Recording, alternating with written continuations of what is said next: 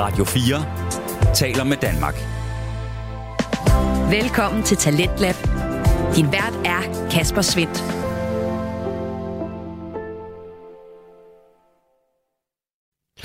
Og du er skruet ind på det program, som øh, præsenterer og udvikler danske fritidspodcast. I aften der skal vi befries fra håndjern, og så får du også en snak om, vi kan forvente rabat på vores venners bar. Vi skal høre fra Spejderliv og Fritid, to podcasts, som altså er med i programmet her for at give dig nye stemmer, fortællinger og holdninger. Og øh, lad os da endelig komme i gang med den cocktail. Du lytter til Radio 4. Og vi starter med at sippe til Spiderliv, Spejderliv, som øh, består af Sten Eriksen og Kim Pedersen. Det her det er sådan en øh, passion- og nørdepodcast, som gør dig klogere på alt inden for både spejderbevægelsen og selvfølgelig også alle de aspekter, der sådan ligger udenom den.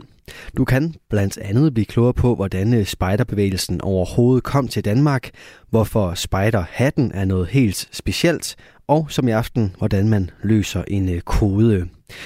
Sten og Kim, de er ja, to nørder, som øh, elsker at formidle om, hvorfor lige netop spejderlivet er så spændende, og det gør de både, når de træder i karakter som øh, værter, interviewer og historiefortællere.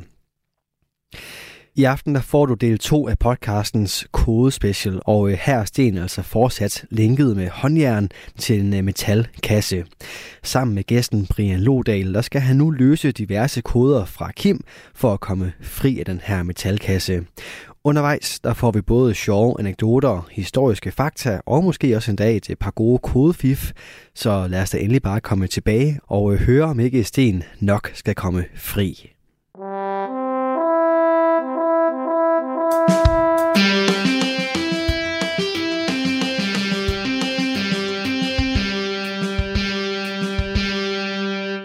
Afsnit nummer 47. Koder. Del 2.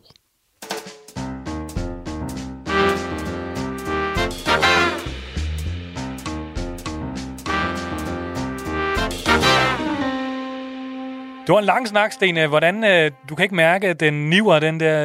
Øh... Ja, det er sådan lidt mærkeligt ikke at gestikulere, når man siger noget. Ja. Ellers så, øh, så rasler det simpelthen for meget.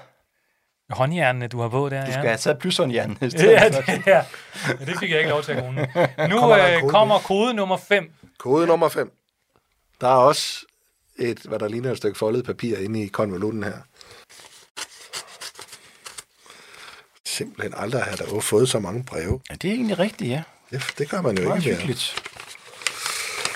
Vi ser, hvad der er i konvolutten. Der er. Og så får vi en talkode, en Uh, masse ja. tal.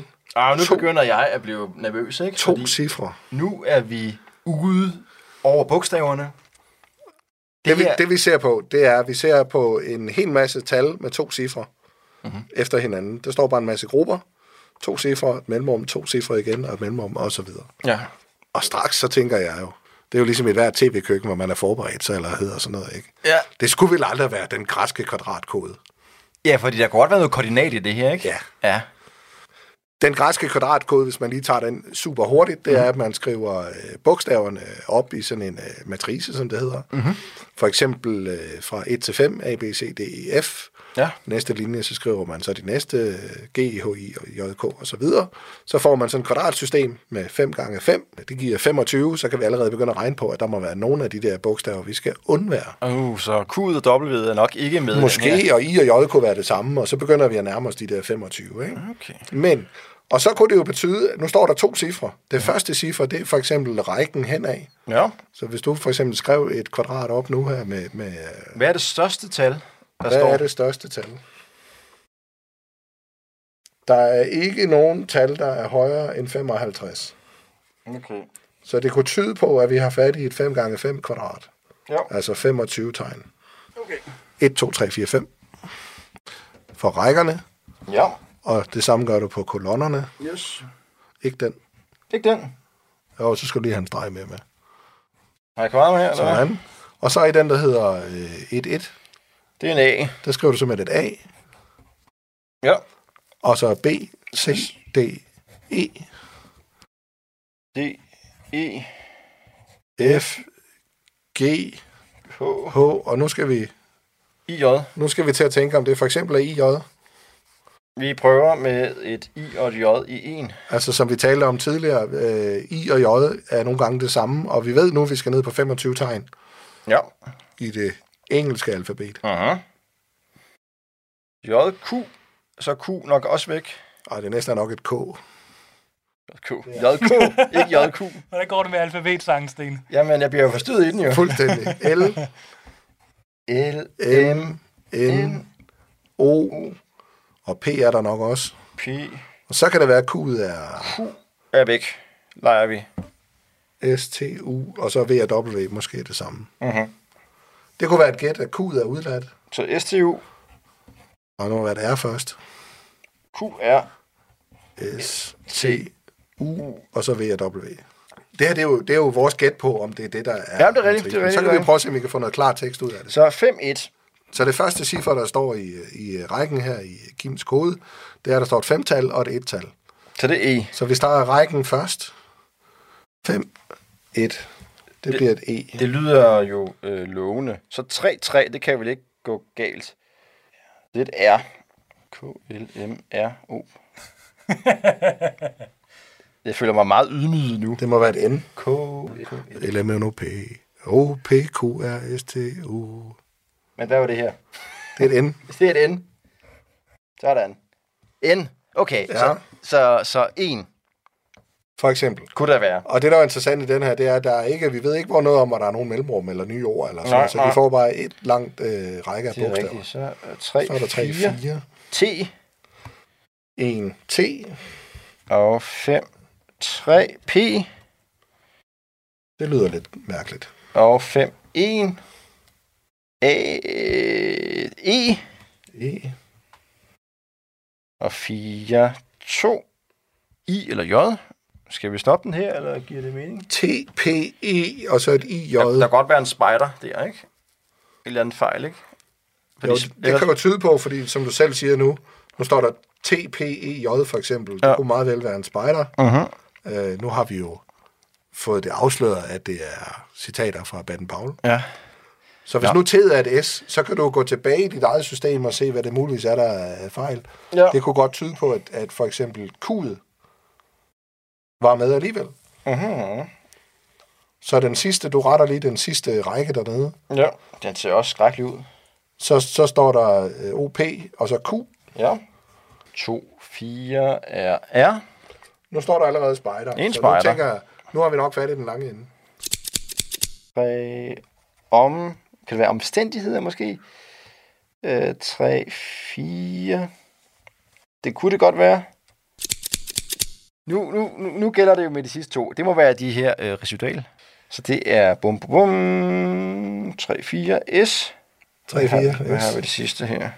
Og 1, 3, det er et L. SL. 2017. SL 2017. Det er ikke engang den nyeste. Nej. Nej, det var mærkeligt. SL 2022. Ja, ja.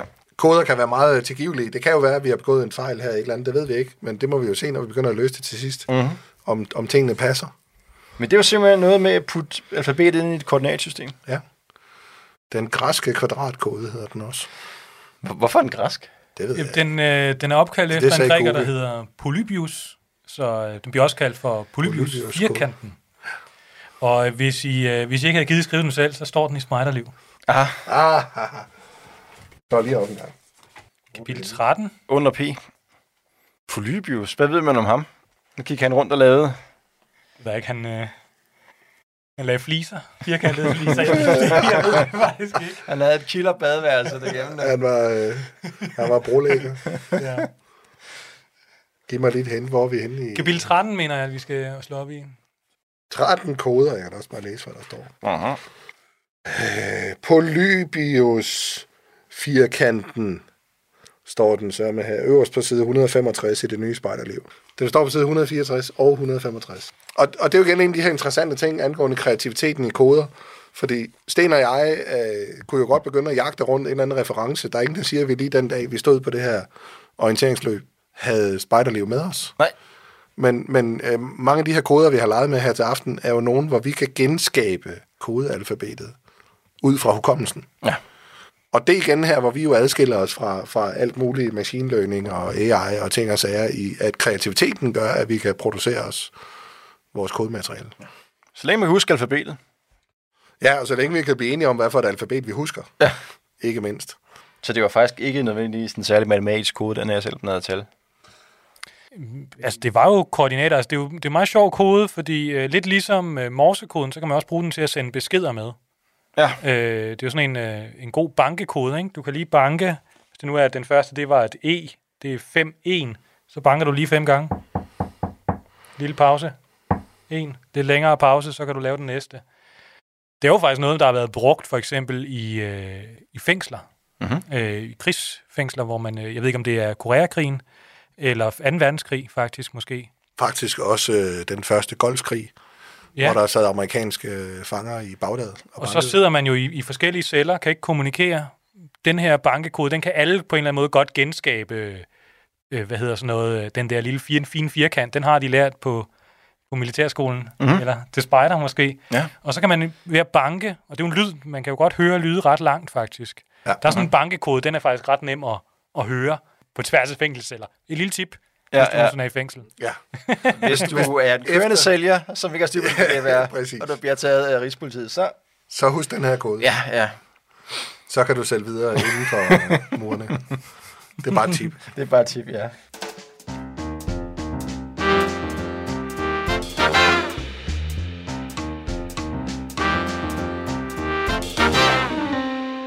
Du har været på Solaris, har du ikke, Sten? Jo, det har jeg. Det var det andet sådan adventure spiderløb. Ja. Hvad med koder der? Øh, ja, altså... Altså, er der det? Er det der, det er der. tit, tit koder i der, turneringer? der er koder.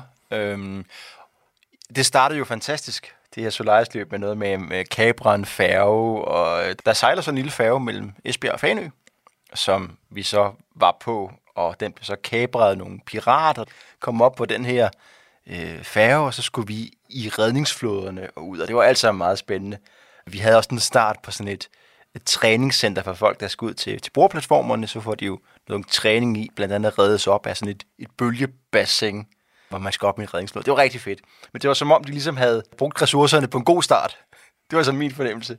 Så efterhånden, det er ligesom, da, da kreativiteten løb ud, og man skulle have noget indhold, Ja, ja. så kom koderne. Så kom koden. Og det er jo nogle gange også kodens plads. Det er sådan lidt, øh, uha, vi har en hike. Ja. Øh, det er måske lidt kedeligt. Kan vi ikke give dem et kodeark? Eller kan vi ikke give dem... Altså, jeg andet? synes jo, at koder er ret spændende, fordi man tit skal være sådan ret skarp, ret kreativ for at, at komme igennem det sådan nogenlunde helskinnet.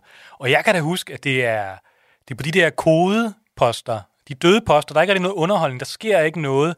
Det er der, man virkelig sådan ligesom får testet en gruppes eller en patruljes på en eller anden måde øh, sammenhængskraft, altså hvor, hvor, hvor godt spiller de sammen, hvor godt kender de hinanden. Fordi meget hurtigt, så taber alle mennesker motivationen. Mm-hmm. Men man skal stadig på en eller anden måde løse det her så godt man kan. Og det er der, konflikterne ligesom virkelig kan komme frem. Jeg synes virkelig, at koder, de tester, det, det, det er noget af det hårdeste. Altså man skulle tænke, at det var fysisk hårdt, der var det svære, men det er det faktisk ikke. Det er det der, når du har det måske er lidt presset fysisk, og så bliver bedt om at levere på noget kreativitet, eller noget øh, analytisk, eller et eller andet. Det var helt sikkert også tænkt med, fordi de lå til sidst. Og Ja. vi var trætte på det tidspunkt der, ikke? Det er jo også tit det her med, at vi ved i patruljen, at vi er meget forskellige som, som mennesker. Øh, Der er ting, vi hver især synes er spændende og interessante. Der er ting, vi hver især er gode til og dårlige til, og der er bestemt også dem, der er frygtelig dårlige til at, at løbe øh, det der løb der. Men så er det typisk dem, der vinder de andre steder. Øh, Så er det ham, den lille med de for kort ben og de store briller, som viser sig, at han faktisk er, er Ikke for at snakke nogen... øh, dygtig til at løse koder, og så kan det godt være, at det var ham, at de skulle vente på en del af løbet, men, men som du øh, sagde i, i introduktionen, så var der altså de der fire point, der gjorde forskellen på, at man, øh, man vandt. Ja, jeg, jeg synes også, at det er her, man, man på en eller anden måde både skal...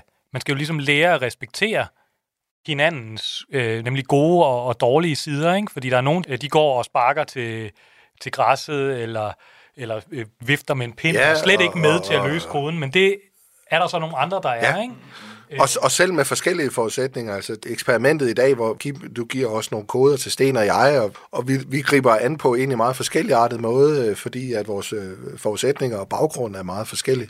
Og ikke desto mindre øh, kan vi jo begge to bidrage med noget i, i kodeløsningen her. Mm. Enten fordi vi kan genkende det, eller fordi vi kan gennemskue det, eller øh, den ene kommer med halvdelen af, af ideen, og den anden med den anden halvdel, og så pludselig så har man hul igennem. Ikke? Jeg tror, altså, dengang jeg var 10 år i hvert fald, der kunne vi godt blive mægt, komme mægtigt op og skændes over, over sådan noget. Ikke? Ja. Så det er jo både fordi, I er dygtige, modne, voksne mennesker. Sten bryder ikke sammen, når vi driller ham lidt med, at han, han ikke ved, hvor N kommer i alfabetet. Jeg må du undskylde, må du undskylde. For en super 10-årig ting at gøre. Ja, præcis. Ja, ja, ja. Ja, ja, ja. Men okay. Det, det, var, det var jer, der samarbejdede. Jeg, jeg prøver bare at kaste grus. Jeg kan godt se det humoristiske øh, potentiale i en mand, der ikke, øh, på 36, der ikke kan alfabetet. Øh, Når det skete for 26 år siden, så havde du tjent dig et helt tilnavn på det der. Og, og vi bliver ikke ved med at køre rundt i det. Eller gør vi? Eller jeg gør ved det gør ikke. vi. Øh, Ja, nej. ja. Nej, det gør vi. Altså, Sten N, som jeg bliver kaldt for nu af. Men det her med, altså nu, nu var du inde på det her med, med, med løbet, hvor man ligesom siger, at der er noget spektakulært, og, men koderne gør også noget, de gør bare noget på et andet tidspunkt, eller et andet indhold i løbet. Mm. Og det er jo også det, vi gør i alligatorløbet. Altså en ting er, at alligatorløbet handler om at løbe rundt op i Sverige i februar måned, øh, og udfordre sig fysisk. Mm-hmm. Men det er jo bestemt også det her med, at alle poster prøver at indeholde en, en håndværksmæssig del, og så en eller anden tænkedel. En anden anekdote fra alligatorløbet var øh, en gang under en tilmeldingsopgave. Det er jo sådan, at man kan tilmelde sig fra, fra 1. december, og så løbet bliver først afviklet i februar. Så derimellem den der mellemliggende periode, der kommer der sådan en masse sjove opgaver, som er vejen hen imod øh, de, den viden, man ligesom skal have, når man stiller til start. Øh, og den giver vi gerne i nogle små portioner. En gang så fik de at vide, at de skulle møde op på en bestemt øh, hjemmeside af Vejdirektoratets en eller anden død kedelig øh, hjemmeside på et bestemt tidspunkt, og sidde og vente og være klar. Og de sidder og kigger på et eller andet webkamera på en kedelig øh, motorvej et eller andet sted.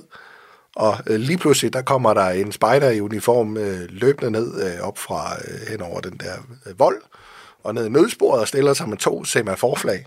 Og så går han ellers bare i gang med at semafor. Og så er det jo bare op til dem at prøve at være klar og nå at få skrevet ned, øh, hvis man ikke lige kan huske semaforkoden udenad, og de heldige, de huskede at optage den der videosekvens. Og de andre, de er jo bare på den. Det er jo et meget godt eksempel på sådan en slags foropgave, vi kan finde på i alligatorløb. Og så er der øh, jo anekdoten om pølser og brødkoden. Pølser og brødkoden. Pølser og brødkoden. Den er så ikke fra alligatorløbet. Forestil jer, forestil jer, at man er på bilorienteringsløb, og så dukker man op på en post, og på den post, der står der en mand og spiser pølser med brød. Uh-huh. Og når man stået et stykke tid og kigget på, at han døber den der pølse i noget ketchup og noget sennep, og så en gang imellem, så tager han en bid af brødet, og så tænker man, der må være et system. og så viser det sig, at det er der jo, fordi nu prøvede vi før det her med, om prikkerne skulle være prikker eller streger, og man skal prøve sig lidt frem, og efter lidt tid, så finder man ud af, at når han dykker, døber øh, pølsen i ketchup, så er det en prik, mm-hmm. og når han øh, døber den i uh, sennep, så er det en streg, og når han tager en bid af brødet, så er det så et ophold. Fantastisk for postmandskabet også. Ja, og det er jo virkeligheden her, anekdoten Jeg kommer. spiser bare mange øh, Fordi- pølser og brød måske. Forestil jer så, at nu dukker der den patrulje op, der ikke forstår koden. Og den søde øh, mand på posten, han, han gentager jo bare. Og de forstår stadigvæk ikke koden. Og han er tålmodig, så han gentager jo bare. Til sidst, så kunne han simpelthen ikke klemme mere pølser med brød ned. De havde ikke forstået koden. De havde simpelthen ikke forstået, hvad det var, det gik ud på. Og han, det stod ham ud af begge ører, det der pølser med brød. Så pas nu på. Ja.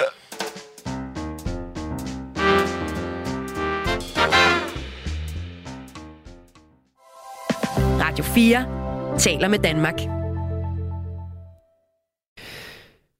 Du er skruet ind på programmet Talents Lab, hvor jeg, Kasper Svendt, i aften kan præsentere dig for to afsnit fra Danske Fritidspodcast.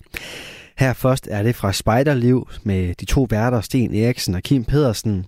Sammen med gæsten Brian Lodal dykker de ned i kodeuniverset, og øh, det er det, vi vender tilbage til her.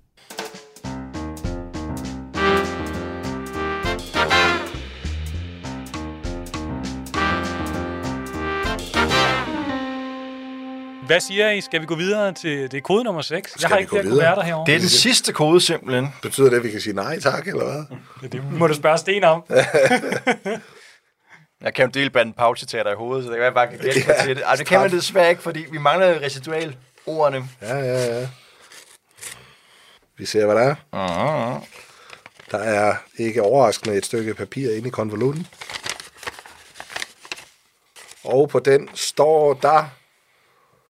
Hold da op, nu bliver det spændende. Uh-huh. Okay, der, det, det er slet ikke til at læse, men, men Subs. bogstaver... Subs. Dex. Det er X. Guacrus. Shungor. Det kunne godt være. Det kunne godt kinesisk, det sidste der. Det er kinesisk røversprog. Der er formentlig en by i Kina, der hedder det der. Og den Det- er formentlig på størrelse med Berlin eller noget. Ja, men vi har ikke hørt om det. Det er en lille by i Kina. Hvad kan vi være ude i her? Jamen, jeg har et godt bud. Og, og hvorfor har du det? Jeg tror, at vi skal ud i sådan noget ATK-kode, en forbytningskode.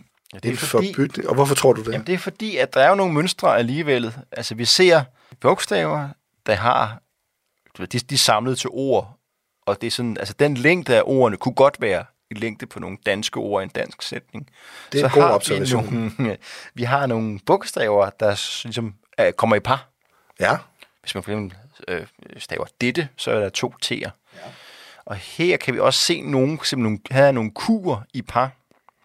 Det er jo ret sjældent, at man bruger Q i, I det- dansk, i og det det, er i par. Ja, og i det hele taget er der jo bogstaver, som vi ikke bruger ret meget. Altså, der er jo både Q og X og Z, som Jeg har vi ikke selvfølgelig, bruger jeg har selvfølgelig styrket min teori, så jeg kunne finde flere dobbelt Q'er. Det kan jeg altså ikke lige på, på stående fod. Jeg kan finde et dobbelt N her. Men, men så kan man sige, nu, nu nævnte vi det her med ATK-koden. Mm-hmm. Og, og hvis vi lige skal tage, hvad er ATK-koden, Ja, er ja, det er, det at man, man skriver på den øverste linje, skriver man alfabetet. Man vælger sit alfabet igen, ligesom vi har talt om tidligere, så skriver man det ud fra A til Z. Og så nedenunder, så øh, rykker man ligesom det hele, en forskydningskode, så man starter med K, så A står over K, og så skriver man ud til Z, og når man når til Z, så starter man ligesom forfra, og så A, B, C, indtil man er færdig med at bruge resten af alfabetet. Ja. Det, øh. det er jo også en af de helt gamle. Det er jo også helt tilbage til Cæsar. Men når vi nu sidder og taler om det, vi taler om nu, hvor vi siger, at der er nogle dobbeltbogstaver, der går ind og sådan noget, så er det jo fordi, at en af de måder, man kan modificere ATK-koden, det er, at man kan bare lade være med at lade A stå over K, mm-hmm. men i virkeligheden stå over et vilkårligt Ja, det kan være hvad som i helst. alfabetet. Ja. Så hvad er, hvor, hvorfor er det så, vi kigger efter dobbeltbogstaver? Jamen, det er jo fordi, at det fortæller os noget om, at, at det er jo ikke alle bogstaver, der kan være dobbeltbogstaver. Det er jo meget ofte for eksempel et uh, T eller et N, som dette eller denne. Så det giver os nogle bud om, hvad det er for en type sætning. Vi kunne også prøve at sådan tænke, hvad, hvad for nogle bogstaver der er mange af. Ja, Fordi øh, alle bogstaver er jo ikke født lige. Altså, der er jo konsonanter og vokaler. ja. Og det er svært. Man, man kan ikke sige en konsonant, uden der er en vokallyd på. Kim, han, er, han, han, øh, han vifter et hint Mm-hmm. til os. Der er faktisk i øh, afsnittet om koder, kapitel 13 i øh, Spejderliv, øh, et afsnit om taktikken til kodebrydning. Hvordan griber vi det an? Det er det, vi sidder og taler om lige nu. Og der er det her med, altså, hvordan er bogstaverne fordelt? Altså, hvad, hvad for nogle bogstaver bruger vi flest af på dansk? Ja. Dem, vi bruger flest af, det er E, det er R, det er T, og det er N. Og så kommer der nogle vokaler her, I, A, D, S og O. Ja. Men E'et, tja, hvad kan vi sige? Hvad kan vi sige her? Hvis for eksempel vi finder ud af, at der er et bestemt bogstav her, som går igen øh, rigtig mange gange, og det kunne være, nu siger jeg et eller andet, et X, øh, så kan vi, som øh, det der står i spejderliv, hvis det, nu ved vi, hvad for nogle bogstaver, der på det almindelige danske sprog er hyppigst, og lige nu, der gætter vi på, at den klartekst, du har givet til os, den formodentlig er skrevet på dansk. Så kan vi jo begynde at gætte på, om øh, det er et af de der øh, bogstaver, som øh, Sten lige har ramset op, der er de mest hyppige. Ja. Det kunne være det. Vi har, vi har, der står DX, for eksempel. Jamen, så laver vi nogle kvalificerede bud, for eksempel DX kunne være at, og så, øh, så regner vi lidt bagud, og så siger jeg, okay, hvis, hvis, det, hvis det var at, så skal, så skal kodehjulet stå sådan her, eller man kan sige, ikke? Og nu, nu siger jeg Sten kodehjul, og det er jo fordi, at hvis man ikke gider at stå og gøre det her manuelt, så kan man lave sig et kodehjul med to øh, skiver, og på den ene skive har man et helt alfabet, og på den anden skive har man også et helt alfabet. Og så drejer man de to skiver indbyrdes ind til E og X, står over hinanden, og så har man bygget X til E-koden, i stedet for A til K-koden. Det kan være, at vi lige skal lave en lille reklame. Ja. Reklame. Inde på spejderliv.dk. Du kender det godt. Brug det før din nabo. Nå, men derinde, der er der i hvert fald den her, øh, der er forskellige gode ting. Øh, Der er blandt andet et interaktivt kodehjul, og der er også en skabelon, så man kan printe den ud og, og lave sit eget sådan, håndgribelige kodehjul. Jeg har slået op her, bare for at hjælpe jer lidt på vej, har jeg slået op på kodehjulet, så kan I jo selv her interaktivt dreje lidt rundt på det. Og det er endda interaktivt. Det er smart. Man behøver ikke engang at klippe det ud. Man kan bare bruge det direkte på Man Kims behøver iPad. ikke engang at dreje, dreje iPad'en. Jamen, øh, hvad, hvad tror vi, at, at X'et er? Et T? Ja, altså hernede var der også noget, der gik igen, fordi der har vi GY, Ja. altså to bogstaver, Og og, så GB. Og GB, og så den der DX, der går igen. Hvad vil dit gæt være? Nu prøver vi lige. G'et, er det et A? En A til G? Eller GTE. G til E? Altså, nogle af, øh, vi kan jo tænke på de der, hvad har vi af to bogstaver øh, ord? Vi har en og et og R, Ja. Og vi har en del af de her G et eller andet, der går igen. Jeg bliver helt nu hypnotiseret af det jul her. Det, det drejer. Det, Ja. det drejer. Men prøv at se her, her har vi GB, Mhm. GY, GB. Ja. Kunne det være nogle, nogle øh, en og R og et ord? Ja. Så G er E. G og E. Det prøver vi. Det er vores teori nu. Nu skal vi teste den lige om lidt. Prøver lige at køre hjulet. Ja, S-U-B-Z. Og S, det bliver til et U. Ja. U, det bliver til et W. Okay. Det tegner jeg ikke på. Det lyder nej. B, det bliver til et D. Og et Z, det bliver til et Ø. Okay. Det tegner ikke. Nej. Nej. Lad os prøve en anden teori. så. Ja, ja. Men øh, G er stadigvæk et af dem, der går øh, igen Men relativt nu hvis det var et A. Det kunne være et A. Kunne det være et A? Skal vi, skal vi lege med den? A til G. Jeg hørte noget med, at kejser Augustus brugte en A til B-kode. Han var sådan lidt, lidt doven type. altså, så kan man godt lige putte lidt mere, lidt mere indsats i det, ikke? Vi, vi øh, prøver igen her. S, det bliver nu til et M. M, U, det bliver til et O. O, Og et øh, B, det bliver til et Y. Ah. uh, nå, det var altså godt. Og et Z, det bliver til et T. Jeg har stået møgen med lidt god vilje. Det. Møjt. Det er nok heller ikke rigtigt. Det er nok heller ikke rigtigt. Så GT er prøvet, og det var ikke rigtigt. Og A til E er prøvet, det var heller ikke rigtigt. Nu kan vi jo sådan set fortsætte 26 gange mere. Ja, ja, det kan vi jo. Det er godt, vi kan klippe lidt i det her. Ja. Vi bare øh, bruge det, man kalder for brute force på engelsk. Det er nemlig rigtigt. Vi prøver bare igen og Brute igen. force attack. Uh, der er der en fordel, man er en computer. Det er nemlig det. Ja. Og her så sætter man simpelthen bare den rekursive proces ind, at man starter med at substituere A med B, og så prøver man A med C, og A med D, og A med E, og F og G, og så videre, indtil man er alle 728 symboler igennem. Ja. Og da man ligesom ved, at en af dem skal give øh, gevinst, så er det et brute force attack. Før eller siden, så kommer man igennem. Det er kun et spørgsmål om at have regnekraft nok. Så skal vi køre dobbeltbogstaverne. Altså G, H, Q, Q, E. Hvis du nu var for eksempel denne, eller dette, eller disse, Så eller sådan noget. Kan vi lave et eller andet med... Q er inde. Ja, nu bliver der lidt brute force, men uh, who knows. Nu prøver vi lige den der dette, eller denne Ja, øh, ord. Det jeg skal lige have det første så, så det bogstav. er et G. Ja, G på den inderste, det bliver til et D. Okay, det gør jo lovende. Ja, Så har vi et H. og H, det bliver til E. Aha. Og Q bliver til... Q, det bliver til et N. Ja, okay. Så bliver det denne. Denne, så det kunne være noget. Så nu har vi måske fat i noget. Nu er det så en A til D-kode. En A til D-kode. Okay, lad mig altså prøve subs. Vores Vi prøver det farlige ord her i starten. Øh, S, det bliver til et P. P. U, det bliver til et R. Aha, der kunne stå prøv. Og et B, det bliver til et Ø. Aha. Og et Z, det bliver til et... Øh, ja, det bliver så til et W her. Så nu tænker jeg, at V og W har han muligvis. Ja, det er en mulighed. Jamen altså, så vi fandt simpelthen en, hvad skulle jeg sige, en, en, en fast vending på det danske sprog, som vi kunne genkende. Her var det, der gjorde, at øh, nøglen den øh, knækkede, kan man sige, det var brugen af, af et øh, ord som denne eller dette med, med to bogstaver uh-huh. efter hinanden, som er meget typisk i et øh, danske sprog, N eller T. Og det er noget med, det er jo, altså det er ikke helt enigma, den her berømte tyske kode fra 2. verdenskrig, men det er jo, det jo lidt derhen af, kan man sige, ikke? Det, der jo er med Enigma-koden, øh, for, for lige at tage den her, det er netop, at det kan ikke gå igen. Hvis du har to bogstaver lige efter hinanden, som i det her tilfælde, hvor du havde de to Q'er, der blev til to ender, det kan man ikke med Enigma-koden, fordi den transponerer sig hele tiden.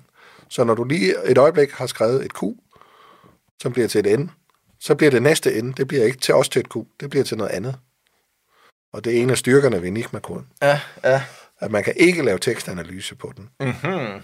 Ja, okay. Tag En anden ting, man kunne gøre ved sådan en tekst som den her, det var jo, nu er den jo skrevet op i klar tekst, det vil sige, at vi har noget med to bogstaver og noget med fem bogstaver.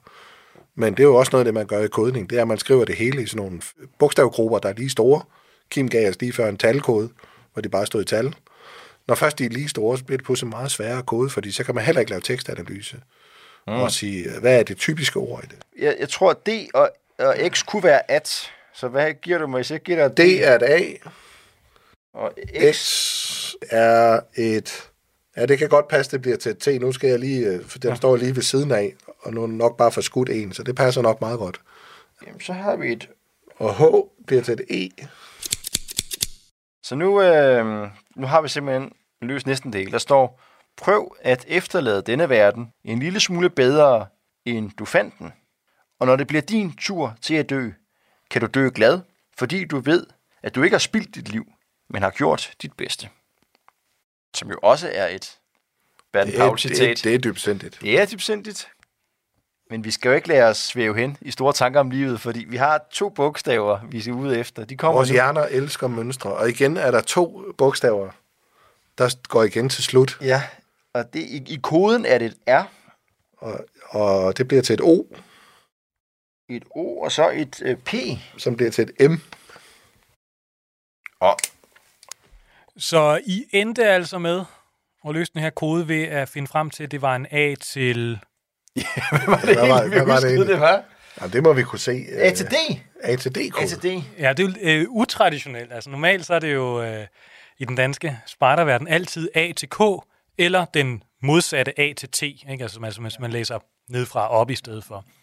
A til D, Og det er jo her, kodehjulet kommer til hjælp, Ja. ja. så man ellers er enig om alfabetet. ja, præcis. Altså det her, det var så et alfabet, hvor W ikke var med. Ja.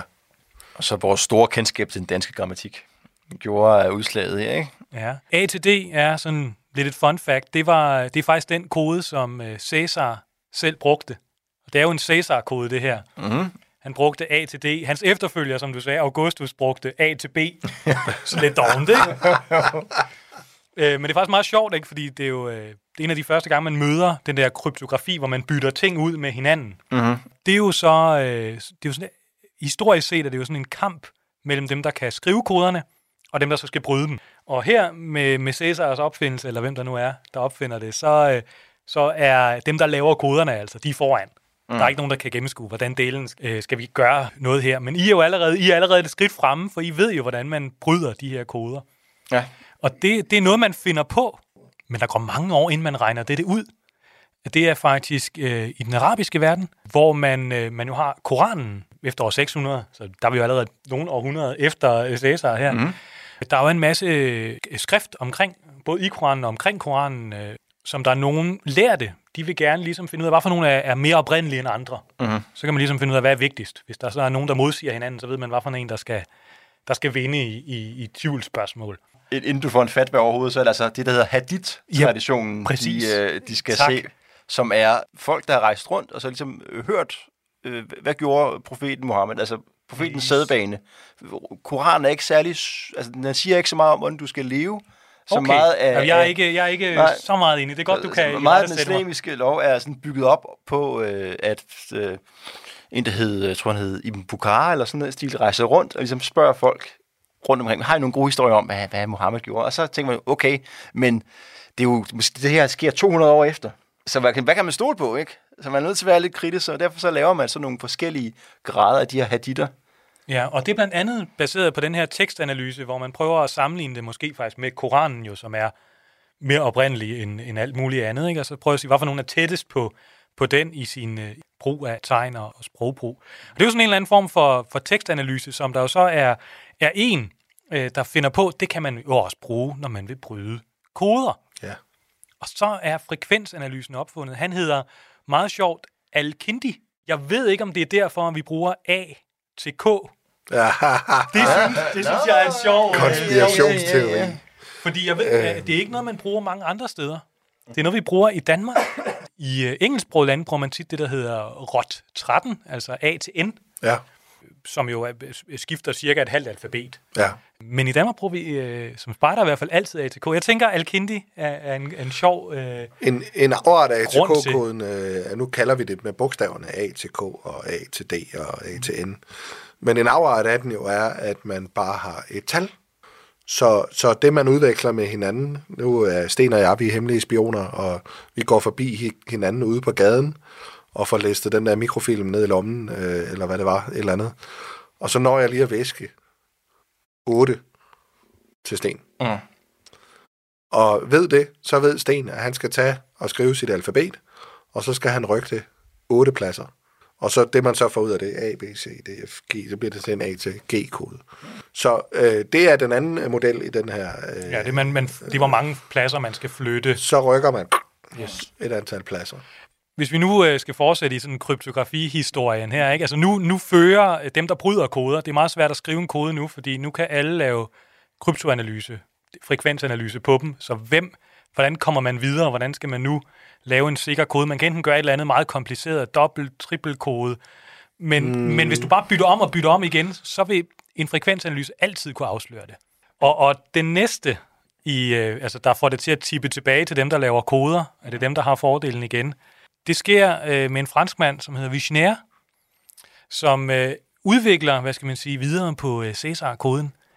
Fordi i stedet for så bare at have en ATK-kode eller en ATD-kode eller sådan noget, så siger han, lad os nu lave et kodeord. Ikke? Så øh, kodeordet, det kunne være Brian, for mm. eksempel. Så tager jeg det første bogstav i min kodetekst og oversætter efter en A til B, B for Brian. Det næste bogstav oversætter jeg efter A til R. Det næste igen efter A til I. Så er det igen et skiftende alfabet. Hvor- Hvornår er vi her, ham franskmand her? Hvor er vi henne i tidsregningen, sådan cirka? Åh, her, hvornår er vi genere? Øh, er vi 1700-tallet? Okay. mener jeg. Ikke? Altså, men det er jo så der, hvor, hvor man skal bruge nu et kodeord. Og faktisk er det bedre, jo længere kodeordet er jo, fordi øh, så Ja. ja. får, man, får man mest øh, sikkerhed for pengene, kan man sige. Ikke? Så det bedste er, hvis man har et kodeord, der er lige så langt som den sætning, man gerne vil sende. Så sige, kan det være længere end 27 tegn, 28 tegn? Ja, jamen, du kan lave det jo lige så langt, du har, har lyst til. I princippet kunne det være, kunne du tage en fast spejderliv, og så bare køre fra start, Ja, og så bruge Ja. den bog som kodeord. Og vi kender jo også godt det der med kodeord. Det er også noget, vi gør meget nu om dagen. Ikke? Der skal, man skal huske kodeord til alting. man skal have over hele tiden. Mm. Ja. Øh, og det er jo også meget... Øh, der er vi på en eller anden måde, vi er det samme sted. Ikke? Altså, det, det er baseret på en eller anden form for nøgle, du skal bruge for at kunne låse beskeden op. Du kan ikke, og det gør det rigtig svært for dem, der gerne vil på en eller anden måde finde ud af beskeden uden at kende nøglen Ja. og, og, og finde frem til, hvad står der. Du lytter til Talentlab på Radio 4. Vi er i gang med aftenens første podcast afsnit her i Talents Lab. Det er programmet på Radio 4, der giver dig mulighed for at høre nogle af Danmarks bedste fritidspodcast.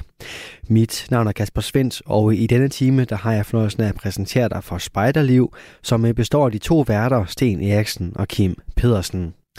I aftenens afsnit dykker de ned i koder, og det gør de blandt andet også med gæsten Brian Lodal, som nu vender det hele på hovedet, for øh, det er Brians tur til at øh, udfordre de to værter, og så kan du også høre om øh, Sten kommer fri fra metalkassen.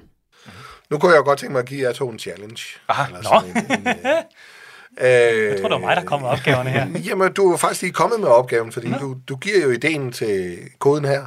Ja. En ting er, at vi kan finde et, et, et, et, et ord, der er svært nok, og som måske ikke afslører for, for modparten eller fjenden, hvad det er, vi tænker. Men øh, noget af det værste i moderne tid, det er også at gå og glemme alle de der koder igen, fordi man skal huske på dem hele tiden. Mm, mm. Så en challenge til jer to kunne være, hvis nu, nu, er, nu er vi den gamle Roland stabspatrulje igen, eller dem, der laver picnic, nu, nu skal I lave et kodeord, som for eksempel øh, Rolandstaben vil kunne huske intuitivt. Mm. Altså et, et kodeord, som man siger et eller andet til fælles for os. Folk, der kommer udefra, ved ikke, hvad vi har i den her sammenhæng, at vi har lavet Roland sammen. Men det kunne være en, en måde at huske. Hvordan laver vi et kodeord, der er fælles for en gruppe eller en patrulje? Et eller andet symbol for det. Men jeg ved ikke, om vi skal, vi skal måske gøre det øh, sådan, som, øh, som Spejderliv-redaktionen. Ja, Ja, det ved jeg ikke, hvad vi... Øh... det kan vi godt. Altså, jeg plejer jo normalt, altså jeg har jo i mange, mange år gået rundt, og har, hvor min kode har været kodeord 1. Og det er det der med, altså, den er, den er til at huske, ikke? Det, det, jeg har skiftet den nu, bare der, I skal ikke prøve at hacke mig. Nu er den 1, 2, 3, 4. Koder 2 her faktisk, jeg altid. Jamen, uh, er, er, spejderlivsstaben. er det faktisk ikke noget med, jeg læste lige en artikel i dag om, øh, om en fyr, der som øh, 17-18-årig hackede sig ind i Pentagon mm. ved at gætte et kodeord, som var på en eller anden måde den server, han prøvede at hacke sig ind i, navn, og så et bagefter. Altså, så Sten, du skal, ikke, du skal ikke skamme dig. Selv Pentagon har den ja, samme slags kode. Og der er et afgørende element i det her, for det svage system i kodeordssystemer, det er, at vi sætter mennesker til at beslutte kodeordet. Uh-huh. Og mennesker, som I allerede har sagt nu, er jo, vi er vane mennesker, vi tænker øh, i logiske sammenhænge, og vi elsker det her associationsteori for vores hjerne.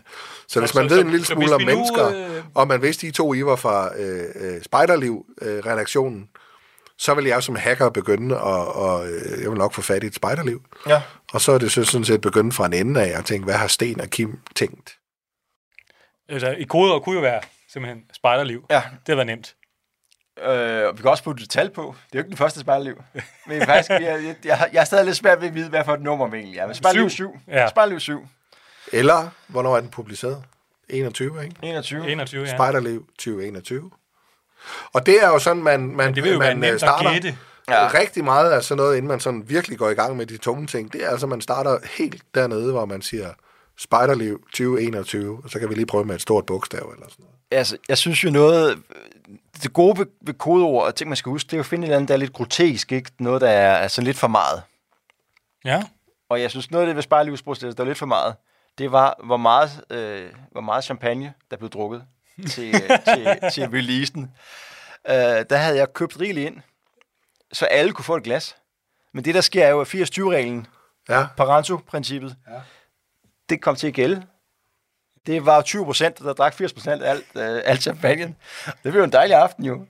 Så det er godt skidt, at det skal hedde... Uh, nu, nu kommer der lige en regel på det her, fordi i denne her moderne tid, så er koder, det er jo ikke nok. Altså, mm-hmm. vi skal jo også have nogle... Uh, store bogstaver med, og vi skal have nogle tal med, og eventuelt ja. også et eller andet øh, punkttegn. Den hedder Champagne med stort C, 20, øh, 8020. Champagne 8020. Hvorfor? Nå, 8020 for Pareto. Og så er det, ja. ud, og så er det udråbstegn, så har vi også fået det med. ja, jeg, jeg har jo hørt, at øh, den mest effektive måde at, øh, at vælge kodeord på, man også skal kunne huske, det er at finde øh, fire ord, og så øh, sætte dem sammen, eventuelt med et tegn eller et, et stort bogstavhister her. Fordi der findes virkelig mange ord, og bare det at, at tage fire forskellige, altså sådan helt tilfældige af dem, det skulle, øh, det skulle gøre det rigtig svært at gætte. Så det ved jeg ikke. Vi kan jo, man kunne jo bruge spejderliv, så kan vi slå op i et tilfældigt sted og så pege. Fornuft. Mm-hmm. Kanoerne. Statsskove. Udvikling. Jeg har aldrig glemt det nu. Fornuft, Fornuft kano, statsskov, udvikling. udvikling. Ja, og så, øh, så øh, nu skulle øh, øvelsen så være på en eller anden måde at lave en måde, man skal huske det på. Mm. Det er vigtigt, at det er tilfældige ord, fordi hvis de begynder at sidde sammen på en eller anden smart måde, så ja. kan folk jo begynde at gætte sammenhængen. En ond person vil kunne forsøge at sige, åh, men det giver alt for god mening. Nu prøver jeg at gætte ting, der giver mening. Men nu har vi valgt noget, der slet ikke giver mening. Ja. Så fornuft, øh, kanoerne, statsskov, udviklingen. Ja altså der vil jeg jo sige, at hvis man er ufornuftig, så lader man øh, kanoerne styre udviklingen af statsskovene. Og det gælder jo i virkeligheden om, det er bare at få sådan en eller anden tåbelig over, man så, øh, så har siddet og grinet af i fem minutter, men så mm. kan mhm. man huske det. Ja, ja. At, at kanoerne styrer udviklingen i statsskovene.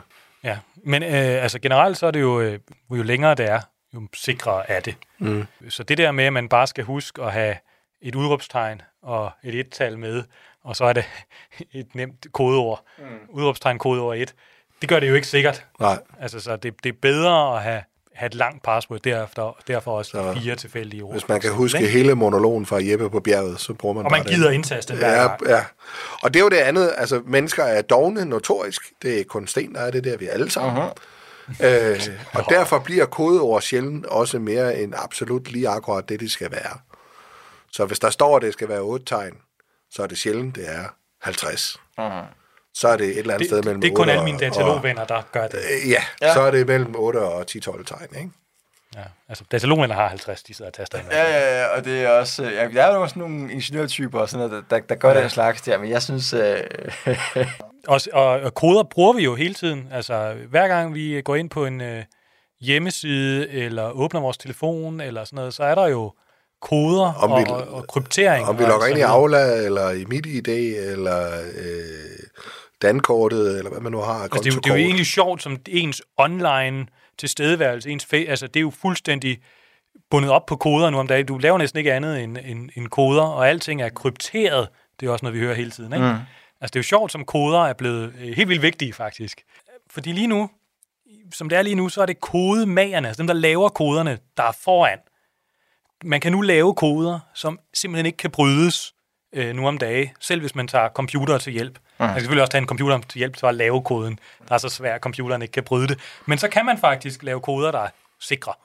Men lige om lidt, lige om lidt, så kan det hele jo tippe. Det har vi det jo gjort før i historien. Så kan det være, at det er kodebryderne, der kommer foran.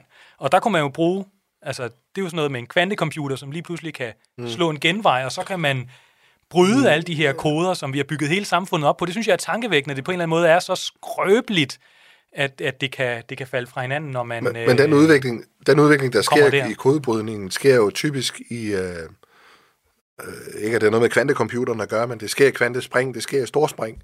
Ja.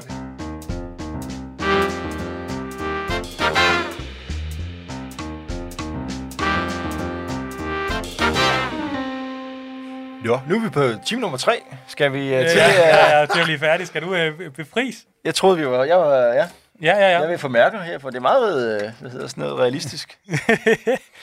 Er du klar til at save den af, i stedet for at komme lø- Ja, løsningen? det er nok, det er gnæve den af. Det er armen, han taler om. Ja. Men det kan være, øh, jeg ved ikke, om vi skal kigge på jeres... Øh, hvad, hvad er I kommet frem til? Vi, Vi har fået en masse, masse smukke citater fra Baden Powell. Mm-hmm. vi har her seks, øh, vi har fået seks konvolutter, og vi har seks øh, koder stående. Den første, den hedder JO, mm-hmm. og så hedder den øh, IS, TE, og så blev vi enige om, det var EN, mm-hmm. SL, OM. Ja. Hvad kan vi gøre? Hvad, hvad har vi af gode idéer? Er det et ord, eller er det nogle tal? Uh, hvis det var et tal, Eller er det en kode? eller er det en kode? Altså, jeg kan jo se, at, at mit navn er jo i midten her. Det ved jeg ikke, om det er nogen tilfælde. Ja. Det ville være et mærkeligt tilfælde, men det kan selvfølgelig godt ske, at det er et, tilfælde. Hvem ved? Jo, kan jo godt være et, et, et ord, ikke? Mm. I kan godt være et ord. Sten kan være et navn. Og sten... Og så det der slum der, det er måske lidt mærkeligt, men... Uh, jeg tænker bare, hvis man... Altså, S'et der kunne jo også Sten, være sådan... jeg tænker, det hører S'et til sten, så det er noget med sten. Så Nå, ja, det er ja, ja. Lom. I din lomme? Mhm. Hvad er det, der er i din jo, jo i stens lomme? Du har en konvolut i lommen. Det var mærkeligt. Ja, det er mystisk. Ja. Hvor kommer den fra? Det er, det er en flot konvolut. Det er det med det pæne mønster. Nu får jeg lige... Nå, nu åbner jeg den uforsigtigt. Ja. Så. Var der så en nøgle i den, eller var der bare en ny kode? Jeg havde lidt håb for en nøgle. Der er et nyt stykke papir. Ah. Med en lang rumæring. nej, nej. Det er en kode til. Ja. Ej, jeg troede, jeg skulle... Åh, have mange bogstaver. Ja, er mange bogstaver. Og det, det lader ikke rigtigt til, at vi kan bruge... Altså, det, er ikke, det virker ikke sådan en, som en ATK-kode, det der, vel? Det gør det ikke, fordi sætningerne øh, er meget lange. Der er nogle meget lange ord. Ja, jeg er nok sætningen er, jo sådan set... Ordene er meget lange. Og der er mange dobbeltbogstaver i også. Det er der også. Men, men prøv nu at se. Der er også et eller andet... For at tage det der ord, der står der i tredje linje. Relativt. Åh, oh, ja, ja, ja, ja, ja. Relativt, ja, okay, så, så der er simpelthen, der er simpelthen dobbelt, at der- hvis vi havde, havde fjernet et bogstav, øh, så havde det bare stået relativt almindeligt, ikke? Ja. Så der, så, så, der er ligesom dobbelt for mange bogstaver.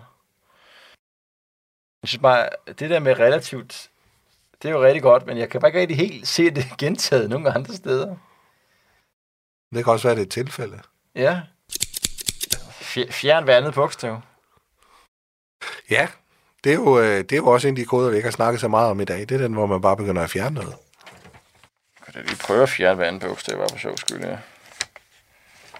Skal jeg nok, nu skriver jeg det her, så vi ikke får...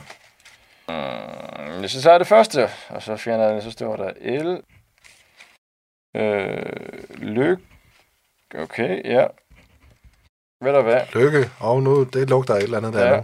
Nu har vi klar tekst over, hvor der står lykken. Lykken. Det er vist ikke helt skævt. Nej. Der skete simpelthen det, at jeg fjernede hver andet bogstav. Det er allerede nu, så viser det sig, at den er relativt simpel. Den så bare svær ud. Ja. Den er relativt... Ja. Ja. Ja, det var bare det ord, som... Men, men det er jo der, hvor Kim har snydt os, fordi at nu har han sat, øh, det, den relativt, der har han brugt de samme bogstaver igen og sat ind, men i nogle af de andre har han sat noget helt tilfældigt ind. Ikke? Ja. Det var måske virkelig en lille hjælp til os. Og det var en stor hjælp til os. Det, det må man sige. Nå, men øh, jeg fortsætter bare her. Ja, Så det så svært, det er at s- strege hver andet bogstav ud. alle. Af alle. Ja, det er jo dejligt positivt. Læg Ja. mærke til i tekstanalysen til at starte med, at vi konstaterede, at vi synes, det var nogle lange ord. Ja.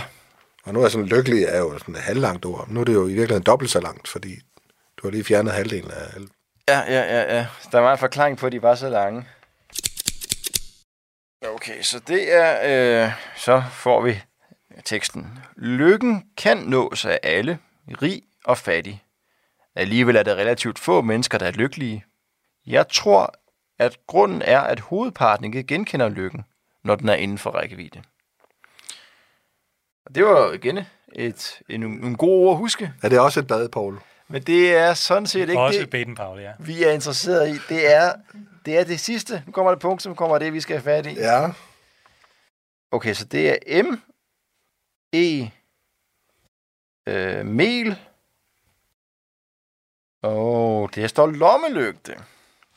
Eller så står mellygte. Der er ikke noget, der hedder mellygte. Nå. Jo, i Stens lomme. Lom. Stens lommelygte. Stens lommelygte. Den var ikke i lommen. Den var ikke i lommen, den var i lommelygten. Nu skal jeg finde min lommelygte. Jeg kan jo ikke rigtig finde den. Ja, vel. Ja. Sådan der. Au. Ja, der Den er kommer skarp. lys ud af den, når man tænder. Det er en, en god lygte. Den er, den er med LED og det hele. Jeg tror, vi skal splitte den ned. Jeg tror, vi skal splitte den Vi ad. skal splitte den ned. Uha. Nej. Hvad, hvad ligger der?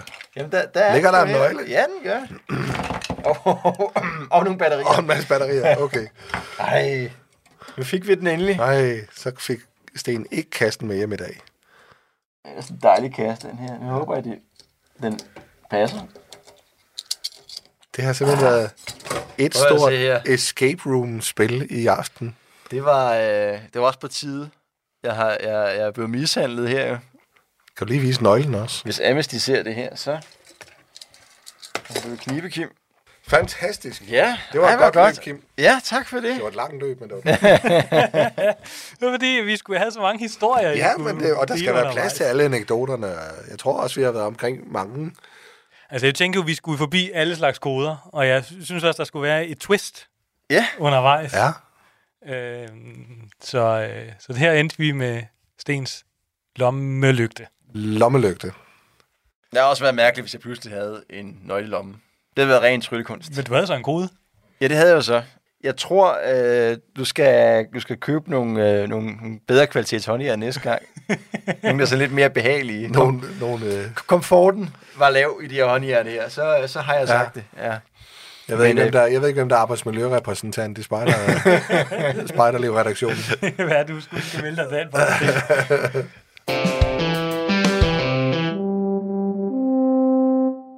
Ja, jeg, jamen jeg synes, det har været rigtig hyggeligt at lege koder sammen med jer. Jeg håber også, at øh, du derude har hygget dig. Måske også fået nogle sjove idéer, gode idéer til, hvordan du selv kan bruge koder, lege med koder øh, til spejder. Hvis du allerede var sådan lidt en kodeekspert, håber jeg også, du har fået lidt nye perspektiver, lidt ny viden, du kan, du kan gå ud og, og bruge. Det var sådan en rigtig hygge nørdeafsnit, det her, synes jeg. Det kan jo også godt være, at man er lidt ærgerlig over, at man ikke selv har været til øh, Kode Escape Rooms aften her hos Brian. Du lytter til Radio 4. Vi gør en øh, kort pause her i Spejderliv, en øh, podcast med Sten Eriksen og Kim Pedersen, for øh, her på Radio 4 er det blevet tid til nyhederne. Men efter dem, så vender jeg, Kasper Svendt, selvfølgelig tilbage med den sidste bid fra podcasten her, samt en hel episode fra samtale-podcasten Fritid. Men altså først et par nyheder leveret til dig af verdens bedste nyhedsoplæser.